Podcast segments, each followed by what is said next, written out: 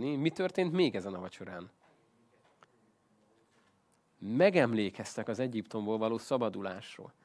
Tehát az a, az a kép, ami már az Ószövetségből, ott ugye az ajtófélfa bárányvér, azóta víz hangzik az Ószövetségben, egyre jobban-jobban körvonalazódik az, hogy megértsék a tanítványok, hogy Jézus az, aki, akiről bemerítő János azt mondta, hogy íme az, az Isten bárány, aki hordozza a világ bűnét. Tehát kezd az az egész összeállni, és, és kezd az egész szépen, gyönyörűen a helyére kerülni minden, amiért Jézus eljött. És ugye már jó három évet Jézus együtt volt a tanítványokkal, és úgy gondolhatnánk, hogy egy három éves, nagyon intenzív bibliaiskola Jézussal, az, az elég arra, hogy az ember mindent megtanuljon, és minden a helyére kerüljön, de tudjuk azt, hogy oda menve, menet közben a tanítványok épp arról vitatkoznak, hogy ki a nagyobb Isten országában, nem? Hát képzeld el Jézust, hogy tudod azt, hogy már csak néhány órád van együtt a tanítványokkal, és utána te el fogsz menni. Meg fogsz halni, fel fogsz támadni. Tehát, hogy három év befektetett munka után mindaz, amit láttak, mindaz, amit hallottak tőled, még mindig azon vitatkoznak, hogy ki a nagyobb az Isten országában. Tehát nagyon érdekes látni ezeket az eseményeket, hogy micsoda jelentősége van annak, amit Jézus itt tesz, amit mond, és itt beszél ugye nagyon-nagyon erőteljesen nekik arról, hogy az én megtöretett testem és az én kifolyt vérem. És valószínűleg nem mindent értettek még ebből a tanítványok, mert még ugye a keresztre feszítés előtt vagyunk. De ide vezet vissza minket minden, ami az úrvacsorához köthető. Na most lapozunk egy másik helyre a korintusi levélhez, mert ott egy kicsit jobban összeáll az első korintusi levél 11. fejezetéhez lapozzunk. Az 1 Korintus 11, és onnan is a 23-as és a 25. verset fogom olvasni. Azt mondja Pálapostól, hogy én az Úrtól kaptam, amit közöltem is veletek, hogy Jézus azon az éjszakán, melyen elárulták, vette a kenyeret, hálát a megtört, és ezt mondta, Vegyétek, s egyétek, ez az én testem, mely ti érettetek megtöretik. Ezt cselekedjétek az én emlékezetemre. Hasonlóképpen a poharat is vette, miután vacsorált, és ezt mondta. E pohár az új szövetség, az én vérem által, ezt cselekedjétek, valamennyiszer isszátok az én emlékezetemre. Mert valamennyiszer eszitek a kenyeret, és isszátok-e poharat, az Úrnak halálát hirdessétek, amíg eljön. Tehát akkor miért újra és újra ismételjük az úracsorát. Miért tesszük ezt? Miért emlékezünk erre? Mert ezt mondta Jézus, nem? Hogy ezt cselekedjétek az én emlékezetemre meddig, amíg vissza nem jön. Tehát Jézus visszajött már? Nem. Akkor mit kell tennünk? tennünk kell ezt az úracsorát. Na most most jönnek a nehéz kérdések. Hogyan gyakorolt ezt az első gyülekezet? Hova lapozzunk, hogy megnézzük a választ? Abcsel, nagyon jó. Nem nagy titok, valóban az apostolok cselekedeteihez lapozunk, mondjuk a második fejezet, ott nagyon sokat ír az első gyülekezetnek az életéről, és mondjuk a 40, hát mondjuk elég, ha 42. verstől olvassuk, Abcsel 2.42, álhatatosan kitartottak az apostolok tudományában, a közösségben, a kenyér megtörésében és az imádkozásban. Mindenkiben félelem támadta, hogy az apostolok sok csodát is jelet is tettek. Mindazok pedig, akik hittek, együtt voltak, mindenük közös volt. Vagyonukat, birtokaikat eladogatták, szétosztogatták mindenkinek, amint kinek-kinek szüksége volt. Minden nap kitartóan egy szívvel, lélekkel összegyűltek a templomban, és házanként megtörték a kenyeret, Örömmel és tiszta szívvel részesedve az eledelben, Isten dicsőítve, és az egész nép előtt kedvességet találva. Az Úr pedig naponta szaporította a gyülekezetet üdvözülőkkel. Tehát akkor mit tudunk meg az úrvacsoráról, hogy gyakorolt ezt az első gyülekezet? Házanként is, naponta. Itt egy kicsit ugye megállunk, nem? Én emlékszek, mikor e- erre először figyeltem fel, és arra jöttem rá, hogy mi hogy gyakoroljuk az úrvacsorát. Havonta is, jó nagy közösségben egyszerre, nem? Na most itt kell egy kicsit megálljunk, és ezen nagyon őszintén gondolkodni, hogy mondja azt a Biblia, hogy ezt havonta egyszer kell csináljuk? Nem. Nem mondja. azt sem mondja, hogy ezt nekünk minden nap kell tennünk, és itt egy nagyon fontos dolgot értsünk meg. Amikor a Biblia lejegyez valamit, az, az egy lejegyzés. Amikor Jézus parancsba ad valamit, az mi? Az egy parancs. A kettő között van különbség? Abszolút van különbség. Hogyha mondjuk leír az Ószövetség elképesztő mennyiségű történetet a királyokról, profétákról, és néha hibáikról is olvasunk, ez nem azt jelenti, hogy nekem azokat tennem kell, hanem leírja, hogy ezt tette a király, ezt tette a proféta. És nem mindig tettek mindent úgy, ahogyan Isten kérte tőlük. Amikor viszont felkiáltó jel van valahol, az mit jelent? Na, azt tennem kell. Hogyha valahol azt mondja a Biblia, hogy már pedig neked ezt kell tenned, ott nincsen appellát, nincsenek opciók. Ha le van írva, hogy ezt kell tennem, akkor ezt fogom tenni. És erre rengeteg példát tudnánk hozni. Mit kell tennem, ha valaki megbánt? Meg kell bocsátanom neki. Mert erre parancsom van. Mit kell tennem, hogy látok embereket, akik Isten nélkül elveszve élnek, és szükségük van az örömhírre? Hirdetnem kell az örömhírt. Mert ezek parancsok. Elmenvén tehát, tegyetek tanítványa minden népben. Na ez egy parancs. És nagyon sok területen a Biblia nagyon kristálytiszta parancsokat fogalmaz meg. Viszont vannak területek, ahol úgy látszik, hogy van egy elég nagy szabadság. Mit mond mondjuk a Biblia arról, hogy milyen hangszert kell nekünk a vasárnapi alkalmainkon használjunk?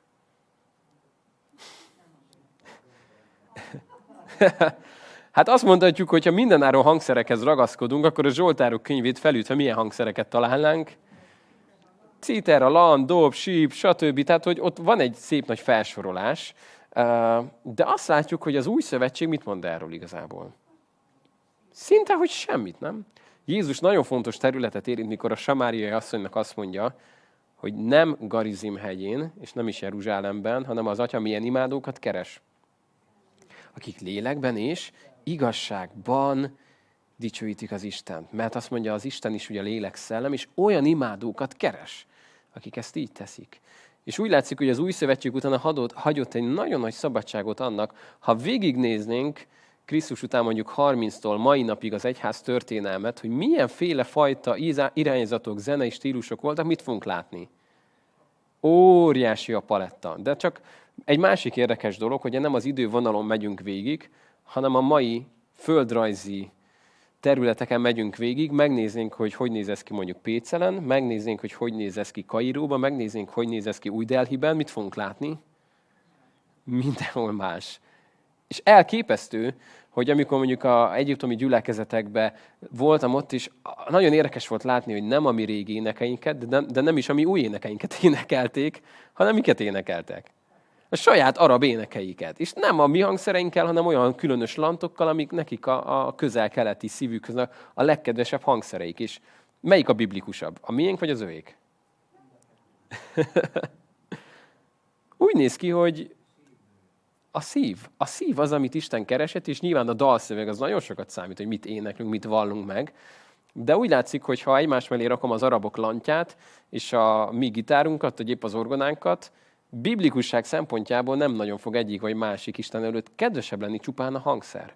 És ugyanígy az úrvacsoránál is azt látjuk, hogy nem írja le a Biblia parancsba, hogy nekünk ezt hányszor kellene tennünk. Az egyház történelemben sok példát láthatunk arra, hogy voltak, akik ezt valóban naponként gyakorolták.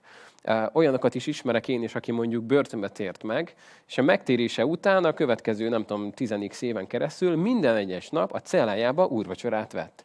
És erre bátorította őt az Isten. Védkezett ő ezzel? Nem. Ez fontos látni, hogy nem védkezett ezzel. Azért, mert nekünk van egyfajta gyakorlatunk, ez nem azt jelenti, hogy azt csak úgy lehetne csinálni. Megérthetjük azt a gyakorlatot, amire, ami kialakult, hogy amikor uh, voltak irányzatok, ahol ezt naponként gyakorolták, akkor azt mondták egy idő után, hogy mi lett belőle számukra legalábbis ebből, egy letudni való szokás, mivel minden nap csinálták, és ezért annyi maradt belőle, hogy jaj, csak esünk már túl ezen az egészen, és jaj, már rohanunk, de még gyorsan mondjuk el. Azt mondták, hogy ne, ők visszatértek utána egy, egy nagyobb időintervallumra. Aztán próbáltak még többet, mint egy hónap, de ha arra meg valaki lemaradt, akkor kimaradt egy három, négy, öt hónap is, úgyhogy azt mondták, hogy akkor próbálkozunk egy ilyen ö, havi rendszerrel. De ezt csak azért mondom, hogy ezt nem az új szövetség alapján tudjuk, hogy ezt így kell csinálni, hanem ez egy emberi gyakorlat. Úgyhogy ebben úgy látszik, hogy elég nagy szabadság van, mármint magában az időbeosztásban, amikor jött a Covid, és nem lehetett jönni gyülekezetekbe, akkor nagyon nagy volt a, a skála, hogy melyik gyülekezet hogy oldotta meg. Volt, amik azt mondta, hogy addig nincs úrvacsora, amíg nem jövünk újra együtt. Emlékszünk, hogy mi mit mondtunk? Mi azt mondtuk, hogy abba volt békességünk, hogy aki otthon van, az nyugodtan, ha elő tudja, készítse elő, és nagyon érdekes volt, több család is jelezte ezekben az időszakokban, hogy ha bár még sose csinálták ezt, hogy otthon, mint egy család vegyék ezt, de nagyon-nagyon különös és nagyon erőteljes megtapasztalás volt, mikor mondjuk az édesapa ezt otthon a saját családjának ő, úgy, mint a család papja előkészítette, és egy olyan közösséget éltek meg, amit addig még soha nem. Rossz volt ez? Nem. Fontos tehát látni az, hogy, hogy van egyfajta gyakorlatunk, és jó az, hogy vannak gyakorlataink, de mérlegre tenni, azt a Bibliát tesszük, és ez alapján nézzük meg, hogy mi milyen, és mit minek mondunk. De van még egy néhány ig, amit szeretném, hogy meg tudnánk egy kicsit nézni, hogy kicsit még mélyebb rásunk itt közben. Jaj, tudjátok, hogy mindig túl sok igét írunk ki, de nem baj, most egy kicsit most bele fogunk húzni abba, hogy legalább egy, egy, egy jó néhányat még ezekből meg tudjunk nézni. Jó. Uh, maradjunk az egy Korintusnál, de most a tizedik fejezethez lapozzunk, uh, vagyis menjünk vissza, mert közben eljöttünk az abcselhez, tehát az egy Korintus 10-hez lapozva, és ott a 16. verset fogom olvasni. 1 Korintus 10, 16 azt mondja, hogy az áldás pohara, melyet megáldunk, nem a Krisztus vérével való közösségünk-e? A kenyér, melyet megtörünk, nem a Krisztus testével való közösségünk-e? Tehát itt azt mondja, hogy ez egy nagyon erőteljes közösség, amikor ez történik. Egyrészt kivel közösség ez? Az ember és, és az Istennek a közössége, ami, ami egy nagyon-nagyon fontos közösség, de azt mondja, hogy nem csak ennyi, hanem Krisztus testével is közösség, vagyis egymással is közösségben vagyunk. És amikor Pál ezt jobban kifejti a korintusi gyülekezetnek, ahol ebből volt nem kis gond, ott megtudjuk, hogy amikor összejött a gyülekezet, és úracsorát vettek, akkor mi, mi, milyen furcsa élethelyzet jött elő. Lacomar Tehát, hogy egy nagyon érdekes dolog történt, hogy ha onnan kiragadtunk volna egy hívembert is, elhoznánk ide egy mai tömegrendezvényre, ahol, hát nem tudom, voltatok -e már olyan helyen, ahol volt mondjuk sok ezer embernek úrvacsora, és akkor kap, kapunk egy ilyen kis, nem tudom, joghurt-szerű kis, olyan, mint egy kis Danonino joghurt, egyikben van a kenyér, másikban a bor, és akkor így ki kell nyitni gyorsan, de hát ezt előre legyártották, nem tudom, 50 milliót ebből Kínában, és akkor kaptál belőle egyet, szavatosság rajta van, még hány évig jó, és néznének ránk, hogy ti mit csináltok, nem? Tehát neki nagyon furcsa lenne az, hogy ők hogy gyakorolták az úrvacsorát? Hát úgy gyakorolták, hogy ők ténylegesen mit csináltak? Ők ténylegesen vacsoráltak, és együtt ettek, és ennek volt egy fontos része, a kenyér megtörés, a bor. Na már viszont ez nem történt mindig jól, mert azt mondja Pál, amikor összejöttök, akkor hát azt mondja, nem nagyon tudlak megdicsérni titeket emiatt, mert mi történik? Az egyik ember, hát az rengeteget eszik, mi lesz a másikkal? Az meg ott éhezik mellett, és azt mondja Pál, hogy drágáim, hát ez pont miről kellene, hogy szóljon? Istennel közösség és egymással közösség. És akkor mit csináltok? Ott éhezik melletted az a másik. Azt mondja, hát ha lakmározni akarsz, akkor mit csináljál? Otthon egyél először, nem? Tehát, hogy egy nagyon érdekes dolog, egy visszás helyzet állt elő ebből. És ezt nagyon kihangsúlyozza Pál az egész korintusi levélben, hogy ez egy közösség Krisztus testével is. Ez fontos látni. Na most akkor ez hogy néz ki? Hogyha visszamegyünk a 14. fejezethez, akkor, akkor nagyon érdekes igék jönnek elő. Hadd olvasom tovább, ugye a 26-osnál álltunk meg, most tovább olvasom a 27-estől. Azért, aki méltatlanul eszi kenyeret, vagy iszik-e pohárból, az védkezik az Úr teste és vére ellen. Vizsgálja meg azért az ember magát, és úgy egyék a kenyérből, és úgy igyék a pohárból. Mert aki úgy eszik és iszik, hogy nem becsüli meg az Úr testét, ítéletet eszik és iszik magának. Ezért van köztetek sok erőtlen és beteg, és halnak meg sokan. Mert ha mi magunk elítélnénk magunkat, nem esnénk ítélet alá. De amikor az Úr ítél meg minket, akkor nevel, hogy a világgal együtt el ne kárhozzunk. Azért testvéreim, amikor összegyűltek az evésre, várjátok meg egymást. Ha pedig valaki éhes, otthon egyék, hogy ne ítéletre gyűjjetek össze. A többi dologról majd akkor rendelkezem, mikor hozzátok megyek. Na most ez egy nagyon érdekes ige, és én gyerekként borzasztóan féltem ezektől az igéktől. Nagyon-nagyon féltem. És mindig attól féltem, hogy én majd, ha egyszer megtérek, és úrvacsorát fogok venni, akkor én biztos meghalok, nem? Mert azt mondja, hogy emiatt sokan betegek, halnak meg számosan. Miről van itt szó?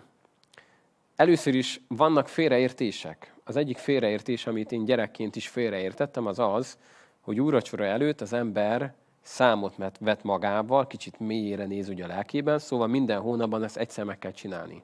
Ez így helyes? Tehát arra tanít minket a Biblia, hogy havonta egyszer.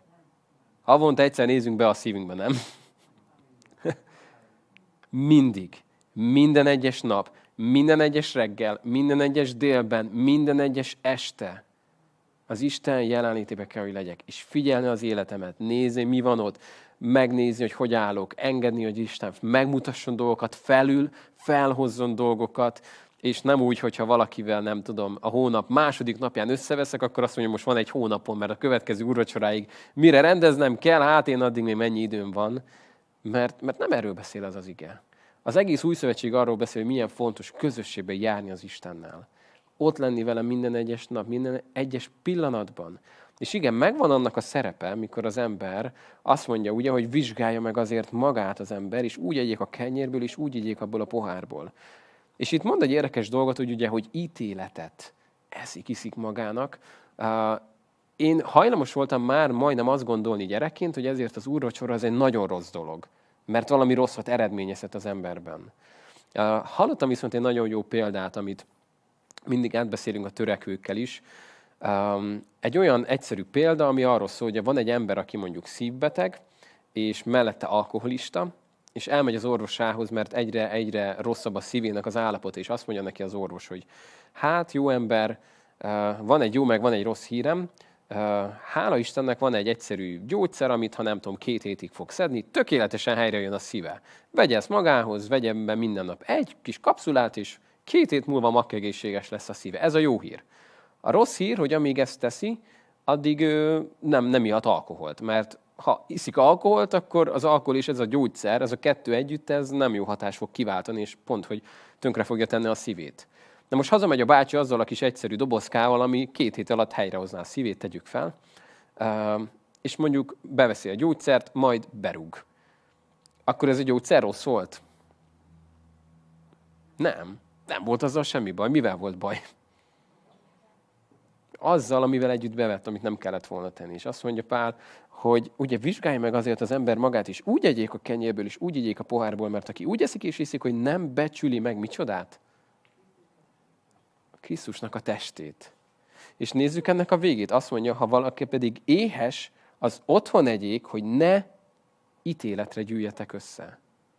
Tehát itt látjuk, hogy itt nem az egyhavi életrendezésről beszél Pál, hanem itt erről a nagyon konkrét korintusi helyzetről beszél ami nagyon összefüggött Krisztus testének a megbecsülésével. És ez nem azt jelenti, hogy nem kellene úrvacsor előtt megvizsgáljuk az életünket, mert miért ne kellene? Hát állandóan az Isten előtt vagyok is. És az a legjobb, hogy egy átlátszó életem van az Isten előtt is, tud hozzám szólni, és állandóan is, állandóan is. Ha valakivel gond van, akkor rendezem, hogyha valakivel problémám van, akkor bocsánatot kérek tőle, ha szükség van rá, de ezt nem csak első vasárnap, hanem mikor? Minden egyes nap. Hogy a hétfőn, akkor hétfőn, ha kedden, akkor kedden. És azt mondja, hogy a többi dologról ugye majd akkor rendelkezem, mikor hozzátok megyek. Hát ez nekünk nem jó, mert azt nem írta le. Örültünk volna, a többit is leírta volna Pál. De amit látunk itt, hogy az úrvacsora az egy nagyon jó dolog. Már ezt csak onnan is tudjuk, hogy Jakab leírja azt, hogy az Isten, ő semmi rosszat nem ad, mert tőle jön minden jó. Minden jó. Hozzá még a változásnak árnyéka sem fér. És ezért leszögező, hogy ami Istentől jön, az milyen? Az jó és tökéletes. Minden adománya, minden Istennek, minden ajándék az jó és tökéletes. Ezért, hogyha az úracsora Istentől van, akkor az milyen? Akkor az jó és csodálatos. És amikor vannak olyan gyakorlatok, hogy valaki mondjuk visszatartja az életében az úrvacsorát, mert úgy érzi, hogy, hogy valami gondon az életébe, uh, mi lenne az igazi megoldás? Bűnvallás, megtérés, helyreállás, nem? Ez lenne az igazán jó. Mert hogyha mondjuk visszatérünk erre a bácsra, és azt mondja, hogy most visszatartja a gyógyszert, ami megmenteni az életét, mert állandóan be van rúgva, akkor mi lenne a jó megoldás? Tartsa vissza az italt, nem? És térjen rá arra, amire szüksége van. Spurgeonnek egy régi mondása volt, hogy ez a könyv, ez vagy távol tart téged a bűntől, vagy a bűn fog távol tartani téged ettől a könyvtől. Ez a kettő egyszerűen nem működik, és azt látni kell, hogy itt állapotokról ír a Biblia. És amikor valaki az Istenben van, János levele gyönyörűen írja az, akkor nem él vétekben. És itt az állapotokról van szó, nem arról, hogy egyszer, amit elrontunk is, van egy baleset is, van egy, egy bukás, és kell helyreállítani dolgokat, mert naponta tapasztaljuk ezt, hanem az állandó benne élésről. És ezt látni kell, hogy Jakab is erről ír, nem? Mikor azt mondja, hogy, hogy akár a nyelvről beszél, hogy ugyanabból a forrásból két különböző víz, azt mondja, hogyan lehetséges ez, nem? Tehát jó ezeket tisztán látni, és látni azt, hogy egyrészt azért úrvacsorázunk, mi a, mi a rövid válaszunk, miért csináljuk ezt tehát? Megemlékezünk, közösség, de a legelső válaszunk az az, hogy azért csináljuk ezt, mert mert Jézus azt mondta, hogy ezt kell csináljuk. Úgyhogy amikor valakivel erről beszélgettem, aki nem értette ezeket a keresztény dolgokat, hogy miért, miért van a bemerítés, meg úrvacsora, annyit tudtam neki mondani, hogy mert Jézus ezt mondta, hogy azt mondta volna, hogy, hogy bemerítés helyett nem tudom, négy kört kell futnia a kékes tetőn, akkor azt csinálnánk. De ő azt mondta, hogy ruhástól menjünk bele a vízbe, akkor ezt csináljuk.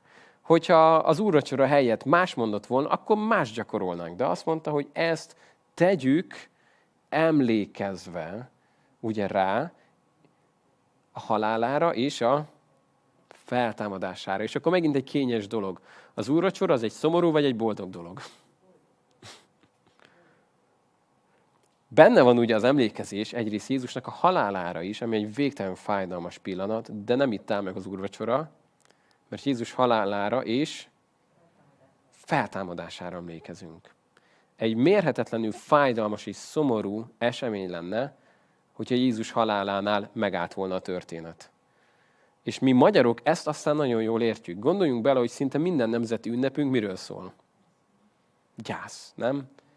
Leverték ezt a forradalmat. Az a radivértanúk, ezt elverték, e visszajöttek a tankok. Tehát minden erről szól, hogy az ünnepeink általában iskolában leülünk, és végignézzük, hogy hm, hát az is egy csúnya ünnep volt, ez is, itt is meghalt, ez is, hát, és, és nyilván ünnepeljük a hősiességüket, a hazaszeretetüket, azt, hogy feláldozták az életüket a, úgymond a hősök, de nem arról szólnak az ünnepeink, hogy megcsináltuk, bementünk, legyőztük, a legtöbb ünnepünk arról szól, hogy, hogy gyászoljuk a, az elődeinket. És nagyon szomorú lenne, hogy az úrvacsorán csak addig jutnánk, hogy gyászoljuk Jézust. Jézus nem kell gyászoljuk, mert, mert feltámadt. És ez a legnagyobb öröm ünnepe a kereszténységnek, hogy erre emlékezhetek. Hogy nincs ott a sírban. Miért keresitek a, az élőt a holtak között? Ő nincs itt, mert feltámadt.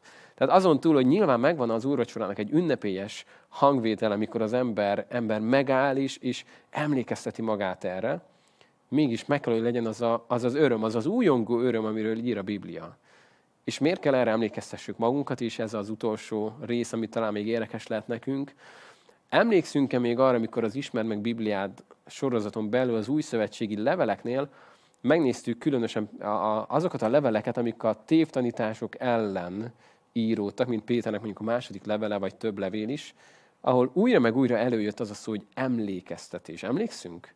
Emlékeztetés által ébrezgetem lelkismereteket. És arról beszél, hogy amikor leírja, hogy mennyiféle tévtanítás, meg mennyiféle gond, meg nyűg van, újra és újra emlékeztetlek titeket arra, hogy, és mondja az igazságokat. Szükségünk van az emlékeztetésre?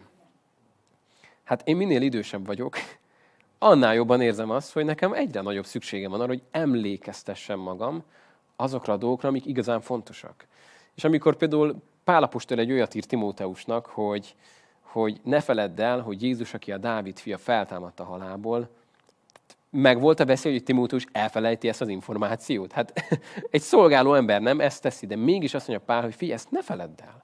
És újra és újra emlékeztes magad arra, ami igazán fontos, mert ha ezt nem tesszük, akkor, ott van valahol a fejünk hátuljában nem, hogy amúgy ez is igaz megtörtént, de nagyon sok apróság meg elveszi a, a lényegi helyet az elménkben. És amikor újra, meg újra, meg újra emlékeztetem magam erre, annak nagy a jelentősége.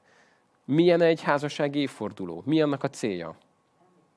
Emlékezés. Elfelejtenék, hogy ők házasok, ha nem lenne házasság évforduló? Az lehet, hogy a férfiak elfelejtjük, hogy mikor van a házasság évforduló, ezt aláírom, de talán nem felejteni el, hogy van egy felesége. De mégis megvan ennek a jelentősége. Mikor nem havonta egyszer, de mondjuk évente egyszer az ember megáll, és azt mondja, hogy emlékezzünk csak vissza, hogy is volt ez. Netán megnézzünk egy, egy fotót, visszanézünk egy videót, és jó esik, nem? Emlékeztetni magunkat arra, hogy miről is szólt ez, hogy indultunk el. Egy nagyon érdekes divat Amerikában az, hogy bizonyos évek után nem csak megemlékeznek a házasságról, és nem csak megünneplik, hogy 10-20-25 éve vagyunk házasok, hanem mit csinálnak még? Megerősítik. Egy nagyon érdekes dolog, hogy újra összejön az egész nagy család, és, és nem tudom, még akár egy lelkészt is hívnak, és újra imádkoznak értük, hálát adnak mondjuk a 25 évért, és, azt mondja, és újra van egy ilyen még egyszer mondjuk ki, nem azért, mert nem gondoltuk komolyan az elsőt, csak hogy, hogy megünnepelni azt a fogadalmat, amit tettünk, Isten és emberek előtt is, és öm, nem mondom, hogy ez feltétlenül egy rossz dolog lenne, sőt, amikor újra meg újra emlékeztetjük magunkat arra, ami, ami fontos. A gyerekek nálunk állandóan, naponta, hetente eszükbe jut ez, apa, mesél de még egyszer, hogy születtem. Nem felejti el, hogy született, nem? Tehát azt tudja, hogy ő megszületett, de újra, meg újra hallani akarja, hogy hogy indultunk el, milyen, apa, mesél, de milyen volt, mikor először fogtál meg az öletbe. Elmesélem azt is. Apa, mesél, de milyen volt, mikor Barnuska először látott meg is. Újra, meg újra el kell mesélni, pedig jobban ismeri a történetet már, mint én, annyiszor hallotta. De miért akarja újra, meg újra hallani? Egyrészt neki ez egy óriási örömet okoz, hogy újra meg újra ezt felidézi magában, és hallani akarja újra, meg újra, meg újra, meg újra. Milyen lenne, ha néznek ki az úrvacsora, nem? Pásztor, mesél, de még egyszer mit tett értünk Jézus. Ugye? Mennyire jó lenne így erre tekinteni, hogy annyiszor hallottam már, de még egyszer elmesélni most vasárnap, hogy tört meg a teste, hogy folyt ki a vére értünk. Mesél, de még egyszer ezt a történetet. Ismerjük a történetet, nem először halljuk, de nagyon nagy a szerepe annak, mikor újra meg újra betölti a szívemben ezt a hatalmas nagy örömöt.